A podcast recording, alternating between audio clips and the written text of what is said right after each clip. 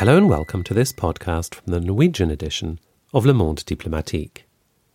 My name's George Miller, and my guest in this programme is Philip Golub, who's Professor of Political Science, Political Philosophy, and International Relations at the American University of Paris. Philip has a piece in this month's edition of the paper on Wall Street's romance with China. This may seem an unlikely romance if you recall the rhetoric of the Trump administration, when the emphasis was on decoupling the US and Chinese economies through tariffs, barriers, and all out trade war. On the 10th of May 2019, Trump tweeted, We have lost $500 billion a year for many years on crazy trade with China, no more. For all that bluster about trade, though, US investment kept flowing into China throughout the Trump years. It even increased, and China welcomed it. To the extent that The Economist could write in September last year, China is creating opportunities that foreign capital had not expected to come so quickly, if ever. Many observers focus on the decoupling between America and China. Yet for those managing the trillions of dollars that flow through global markets every day, the main trend looks more like coupling. In my conversation with Philip, we talk about how China squares this openness to Western capital with its increasingly aggressive so called wolf warrior diplomacy. But I began by asking him about the pace of what President Xi referred to as investment liberalization and facilitation in the past few years. Instead of decoupling, we have witnessed over the past uh, five years, six years, a, a deepening process of integration of China into the world financial system, not so much the world economy in terms of supply chains and, and uh, transnational supply chains and other things of this type, which were actually targeted by Trump in his so called trade war. But in terms of the movements of global finance, which are probably actually more significant because they actually tell you where the, the you know where the main trends of world capitalism or global capitalism are actually are actually heading. Uh, under uh, uh despite geopolitical tensions, uh, we saw over the past uh, five or six years a intensification of flows into China, financial flows into China, in all kinds of financial sectors, uh, stocks and bonds, as well as the raising by China of capital on the New York on the New York capital markets, as well as other international capital markets. And interestingly enough, if you look at the statistics that are contained in the article, the, you you have an acceleration and a deepening of financial China's uh, integration into the international financial system uh, during the Trump years, and with huge, actually huge volumes of capital actually flowing into China. We're talking about at least, at least, uh, if you look at it cumulatively, 813 billion dollars that have been invested by U.S. and other financial corporations, but mainly, mainly U.S.-based transnational financial corporations, firms uh, into China over the past over the past uh, decade or so, uh, and that actually understates the actual volume of flow, since uh, a not a small number of Chinese firms actually sell shares in offshore financial centers, notably the Cayman Islands, but not only. So the actual totals are probably w- well over a trillion dollars that have been invested in Chinese stocks and bonds, securities of all kinds over the past decade, uh, uh, notwithstanding the trade war. So the trade war, if you actually look at the just purely trade aspects of U.S. economic diplomacy, the course of economic diplomacy of the Trump administration, if you look at it from the standpoint of these financial flows, you just note very simply that with the attempt to restrict China, to keep China out of the international capitalist economy, or to push them in part out of the international capitalist economy, of which they are an essential component at this point and have been for some time, failed uh, failed quite miserably. This tells you all kinds of things about about the limits of state power under conditions of globalization. It has all kinds of theoretical implications. It tells you a lot about the ways in which there's there's a a significant inconsistency, indeed a contradiction between international capital, transnational capital, and state power in the case of the United States, but also in the case of other states, something that we've known for some time, but here this illustrates it in a particularly clear way.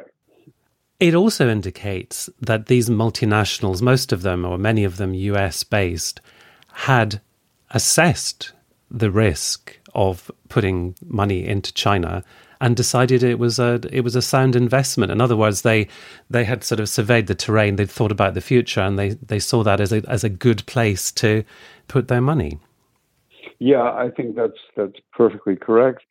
When they look at the world system, because capital is, is global and it, it traverses the entire world system, now China during this entire period of time remained a, a primary and target of profitable investment all the more so that China's growth rates, for the most part, remained strong over the past decade. There were some bumps in this, of course, but even during, you know, during the second phase of COVID, Chinese economy recovered more quickly than United States or the European economies, or indeed the rest of the world economy. And so, and so, the yes, finance, finance considered China all kinds of different domains of investment in China as as being of great potential profitability. And we're talking about all kinds of different classes of investments here. We're talking about uh, wealth management, we're talking about securities, we're talking about the ways in which uh, the U.S. ratings agencies have moved into China. So yes, they considered they considered China as a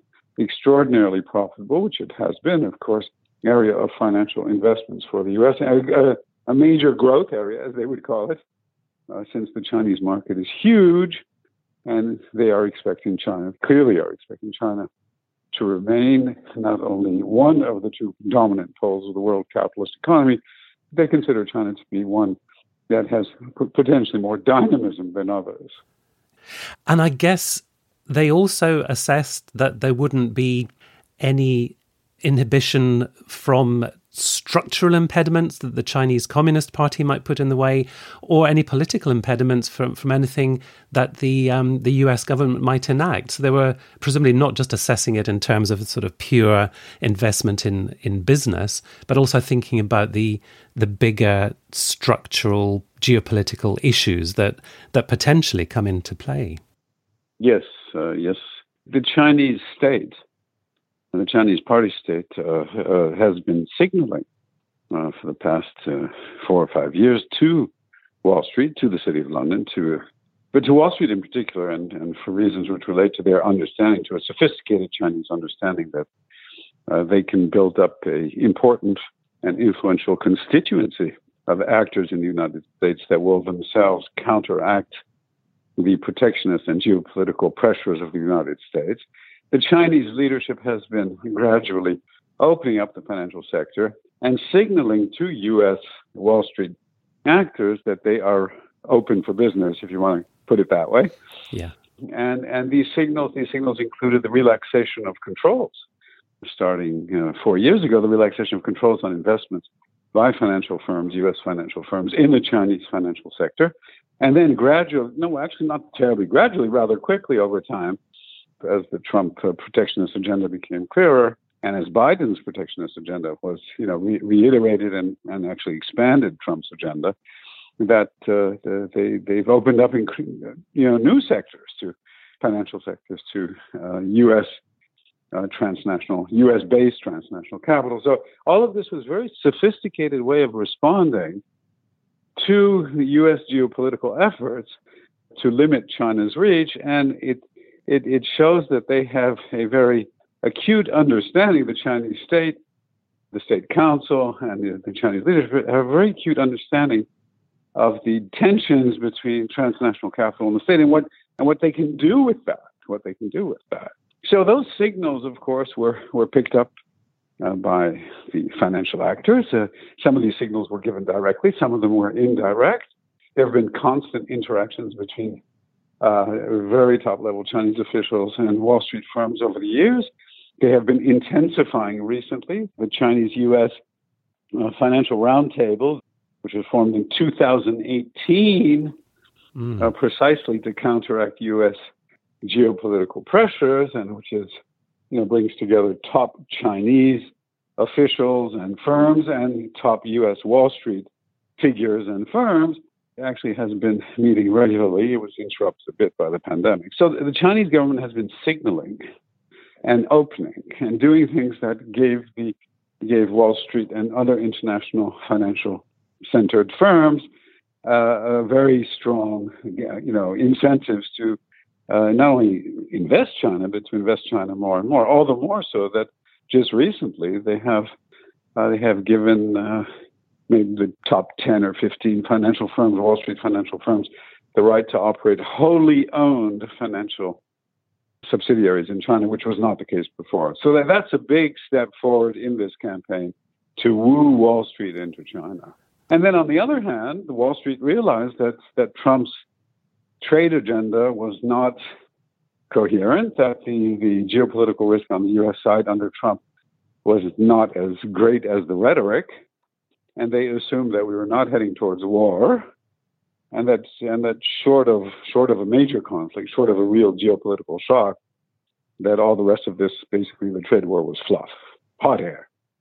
So, if you're a a US based military technology company, you have to be extremely careful in your dealings with China and perhaps even are dissuaded from having dealings with China. But if you're a, a Wall Street investment bank, really the message is from China that you can you can step right up, and from the White House, you know, it's it's all rhetoric.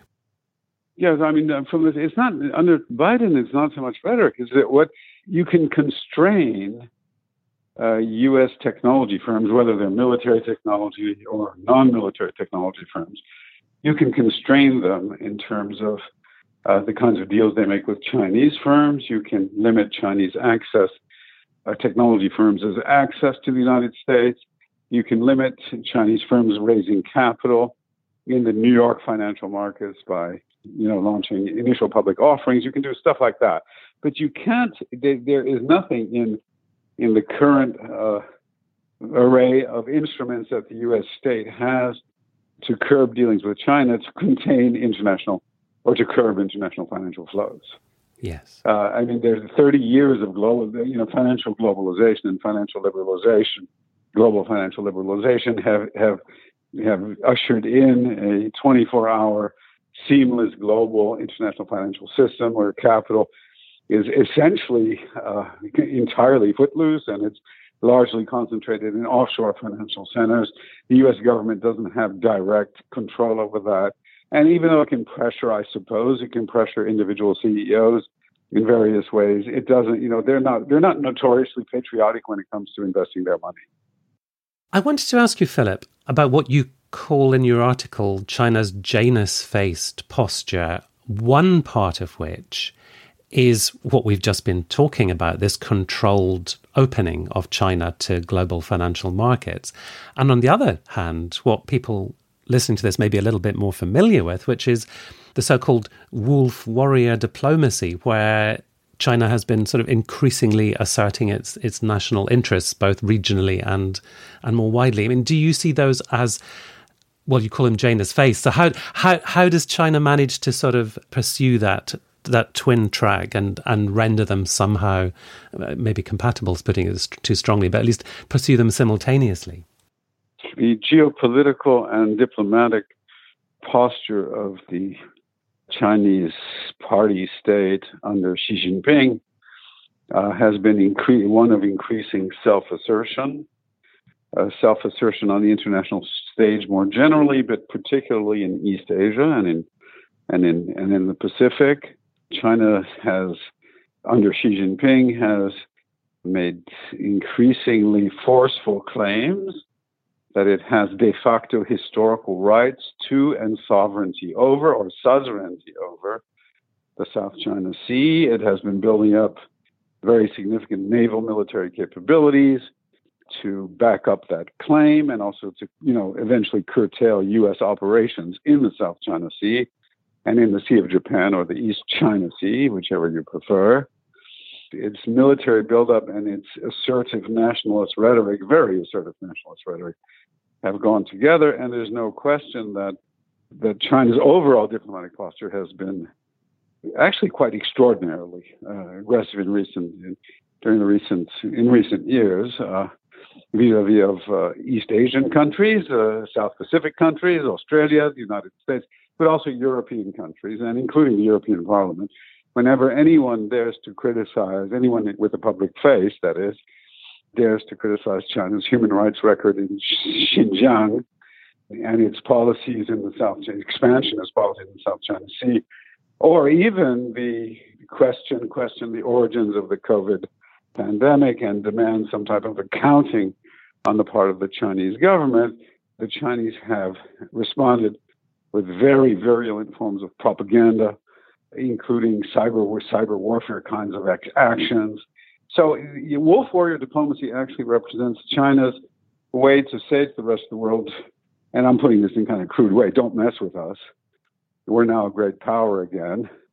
We're a very great power indeed, and, and we will not we will not tolerate encroachments on what we consider to be our spheres of influence and our ultimate national interest.